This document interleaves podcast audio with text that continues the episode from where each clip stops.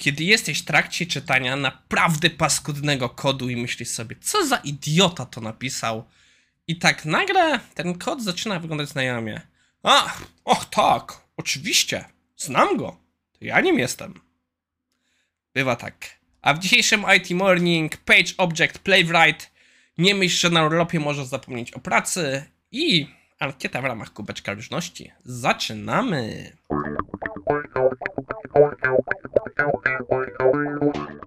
Dobra, wczorajszy odcinek był naprawdę przypakowany kontentem. E, nawet nie zauważyłem, kiedy mi wyszło tyle czasu. Dzisiejszy odcinek jest nagrywany w tym samym momencie, co nagrywany wczorajszy, więc nie odniosę się do komentarzy od razu teraz. Ale mamy i tak dzisiaj dużo do zrobienia, więc już nie będę tracił naszego czasu. Naszym pierwszym artykułem jest e, Page Object Model w Playwright, czyli nasze dobre znane nam z um, Selenium Page Object Pattern. Ja wolę nazwę Page Object Pattern od modelu, mimo że chyba model jest teraz bardziej poprawną. Dla osób niewtajemniczonych, w ramach automatyzacji, jeśli robimy automatyzację weba, jest parę podejść do tego, jak zarządzać historiami, jak zarządzać contentem w ramach tych rzeczy, żeby to było po prostu utrzymywalne, rozwojowe. E, w ramach testowania weba e, w Selenium powstał koncept Page Object Pattern, czyli my robimy sobie klasy, które odzwierciedlają nam zachowanie danej strony. Czyli mamy dla koszyka, mamy dla strony głównej, mamy dla wyszukiwarki i tak dalej, i tak dalej, i tak dalej. Co to powoduje? Że mamy jeden punkt zmiany, jeśli nam się zmienią lokatory, jeśli zmienią się nam ścieżki i inne sytuacje. Ma to swoje plusy i minusy. Ja ogólnie y, mam trochę mieszane uczucia do, play, do Page Object modelu. Bardzo często go stosuję, ale mam wrażenie, że y, trochę się rozjechało jego zrozumienie. Bo na przykład są sytuacje, gdzie ludzie traktują to jako po prostu same, same zbiór lokatorów, inni traktują to już bardziej rozbudowanie. Ja jestem zdania, że my udostępniamy w ramach Page Object Patternu funkcję, czyli po prostu to, co robi użytkownik. Czyli nie zwracamy, jeśli użytkownik może na coś kliknąć, to zwracamy akcję, że da się coś kliknąć, a nie zwracamy cały element do użycia.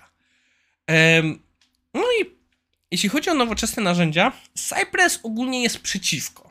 Cypress mówi, żeby z tego nie korzystać.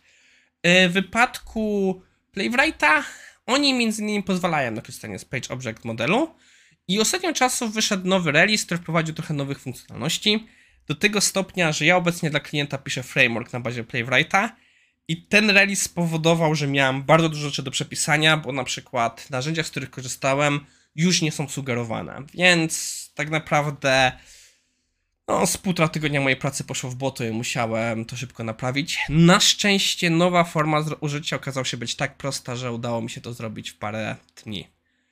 E, autor tutaj właśnie pokazuje, jak możemy korzystać z Page Object e, modelu w ramach testów w Playwrightie. W sumie jeszcze muszę powiedzieć z Playwright. Playwright to jest narzędzie do automatyzacji stron internetowych. Jest to najnowsze dziecko Microsoftu. No ma już dwa lata, więc tak można kończyć najnowsze. Jest konkurencją dla Cypressa. Playwright zostało stworzone przez zespół, który oryginalnie zrobił dla Google Puppeteera. E, cały ten zespół opuścił Google, albo przynajmniej większość tego zespołu i dołączyło do Microsoftu i w ramach Microsoftu zrobili Playwright. Dlatego bardzo dużo rzeczy jest podobnych działających w Playwrightie. Moim zdaniem działa lepiej niż Puppeteer. Jakbym miał do wyboru Puppeteer czy Playwright, definitywnie wybrałbym Playwright. Jeśli chodzi o to Search Cypress czy Puppeteer, zależy od sytuacji. Yy, idąc właśnie tutaj w tym narzędziu, pierwsza rzecz. Ten artykuł w dużej mierze jest niepotrzebny. Dlaczego? Na, jak wejdziecie sobie na dokumentację Playwrighta, jest tam opisane, jak użyć Page Object Pattern i jest także tam wiele fajnych rzeczy opisanych, ale nie będę ukrywał, z tym artykułem mi się pracowało lepiej niż z tamtą e, opisem. Po pierwsze, tutaj autor, coś czego mi akurat nie było potrzebne, ale pokazuje, jak to wszystko zainstalować następnie przechodzi przez jakieś podstawy tego. To jak wy na przykład nie korzystaliście z Playwrighta, to wam to wam się może przydać. Mi w momencie, gdy z tego regularnie korzystałem, już to nie było potrzebne. Następnie omawia scenariusz, który on będzie automatyzował. I to moim zdaniem jest chyba najlepsza przewaga względem tamtego artykułu. E, dokumentacji. Dokumentacja chodzi nam fragment kodu i po prostu co to działa. Nie mamy kontekstu. Ja się trochę na tym wyłożyłem, A tu mamy piękny kontekst, jaką ścieżkę będzie automatyzował. Jest to przykład bardzo ubogi, ale już jednak wygląda dobrze. No i następnie idzie krok po kroku, jak to robi. Jak wyglądało u niego stworzenie tej strony, z czego skorzystał, jak właśnie wyglądało rozwiązanie, które zrobił. Bardzo przypomina to, co możecie zobaczyć tam na stronie dokumentacji. I idąc dalej, przechodzi przez cały przykład, ma też odwołanie do repo i dalej pokazuje nam, jak to wygląda w teście. Jedyne, co mnie tutaj trochę boli w ramach medium, że nie ma kolorowej składni, bo mi się trochę momentami to ciężko czytało. Yy, następnie on pokazuje nam pewne rzeczy, jak zrobić w konfigach, to akurat nie było mi potrzebne.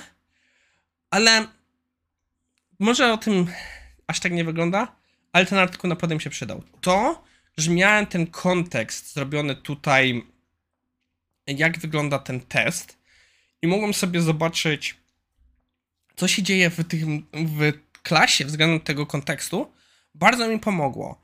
Bo nie do końca potrafiłem odnaleźć się w przykładzie, co był u nich e, w dokumentacji. Więc jak ktoś jest zainteresowany, to tak naprawdę polecam już dokumentacji tego, bo to fajnie się razem składa w dobrą całość. Idąc dalej, podejrzewam, że część z Was pamięta memy. Jakieś czas temu były memy z takim włosatym grubasem, który po prostu mówi Panie Areczku, jakie wakacje i tak dalej.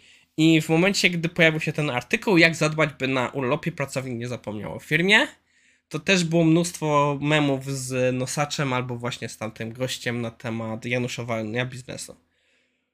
Byłem ciekaw, jak znalazłem ten artykuł, bo naprawdę spodziewałem się, że patrząc po tych komentarzach, że to będzie bardzo januszowy artykuł, ale jednak nie. Wydaje mi się, że artykuł porusza bardzo ciekawą tematykę, że on dyskutuje na tym, jak można skorzystać z tego, że jeśli, kto, że jeśli mamy zaangażowanych pracowników, jak można także na wakacjach yy, zachęcić ich do większego angażu, że po pierwsze, czy już zaczyna, że tak naprawdę tego typu akcje muszą być dobrej woli, nie mogą być przymusowe. Firma musi czuć, ludzie pracownicy muszą czuć, że to wpasowuje się w charakter firmy. Więc jeśli my nie mamy dobrej woli pracowników, nawet nie powinniśmy tego pracować. I następnie wchodzi w dyskusję z tego, że można zrobić na przykład jakieś konkursy z wysyłaniem ciekawych zdjęć, można y, po prostu zrobić jakieś inne tego typu wydarzenia, że po prostu ludzie jak chcą wysyłali zdjęcia. Po pierwsze, tu musi być dobrowolne i to musi wyjść y, inicjatywa ze strony pracownika, że na przykład w wypadku pracowników firma nawet nie ma prawa tego żądać. No bo przyznajmy się szczerze, w wypadku yy, umowy o pracę są na przykład dwa tygodnie obowiązkowego urlopu. Dalej wchodzimy w krok po kroku, jak można to zrobić z paroma przykładami. więc artykuł fajny. Ja naprawdę po tych wszystkich zdjęciach spodziewałem się, że będę miał jakieś okazje do rantu. A tak naprawdę jest coś, co w sumie gdybym widział na początku wakacji, a nie artykuł wyszedł chyba na początku sierpnia, no 28 lipca, czyli tak w połowie, to bym nawet się zastanawiał, czy by nie można byłoby warto spróbować coś takiego u nas w firmie zrobić. No. No i jeśli chodzi o materiały, to tyle na dzisiaj. Co będzie się w, w kubku różności? Chciałbym trochę porozmawiać o dalszej części IT słówek. Dlaczego? Nie będę ukrywał, mam problem e, z tą sekcją. Bardzo mi się pomysł podoba, obecnie patrzę, jak mogę śledzić te słówka, które już umawialiśmy, których nie umawialiśmy, bo mi brakuje trochę pomysłu. I to jest druga rzecz. Ja już jestem osobą doświadczoną i mam duży problem, które terminy są wam nieznane, które terminy wam są znane, a od osób słyszę, zwłaszcza dużo osób początkujących, które nas oglądają, lubią ten kanał, żeby się osłuchać właśnie z terminologią IT. Dlatego miałbym prośbę do was i do osób zaawansowanych, i do początkujących, jeśli znacie jakieś terminy, których uważacie, że na przykład nie są poprawnie zrozumiane lub ich nie kumacie, wysyłajcie je do mnie. Ja dopiszę je sobie do listy, żebyśmy sobie tutaj przemówili. Będziemy umawiać te koncepty bardzo ogólnie. Nie będziemy wchodzić w szczegóły, ale żeby dać wam jakiś punkt zaczepienia, będziemy starali się omawiać. Może przy okazji ja poznam jakieś terminy, które mi są nieznane. Przemek wysłał w ramach propozycji temat CICD i w czwartek się przyjrzymy ogólnie o co chodzi z CICD nie będzie to wejście w głąb, będzie to naprawdę bardzo powierzchowne spojrzenie, ale że nieraz mówię tutaj o tym, wydaje mi się, że to będzie warty punkt zaczepienia. Um, Więc zachęcam, naprawdę zachęcam, bo jeśli to dla Was dobrze działa, to nie bójcie się. Wysyłajcie te słówka. Jeśli wstydzicie się napisać w komentarzach tutaj, na Facebooku, na Twitterze, w prywatnych wiadomościach na LinkedInie czy na Facebooku, je chętnie przyjmę i będę budował z tego listę i będziemy szli przez tą listę krok po kroku. Więc mam nadzieję, że Wam się to spodoba. A skoro jesteśmy przy tym, Wam się podoba, to jeśli Wam się podoba, lajkujcie, komentujcie, subskrybujcie. I do zobaczenia jutro. O, zapomniałem włączyć planszy pożegnalnej. Teraz do zobaczenia jutro.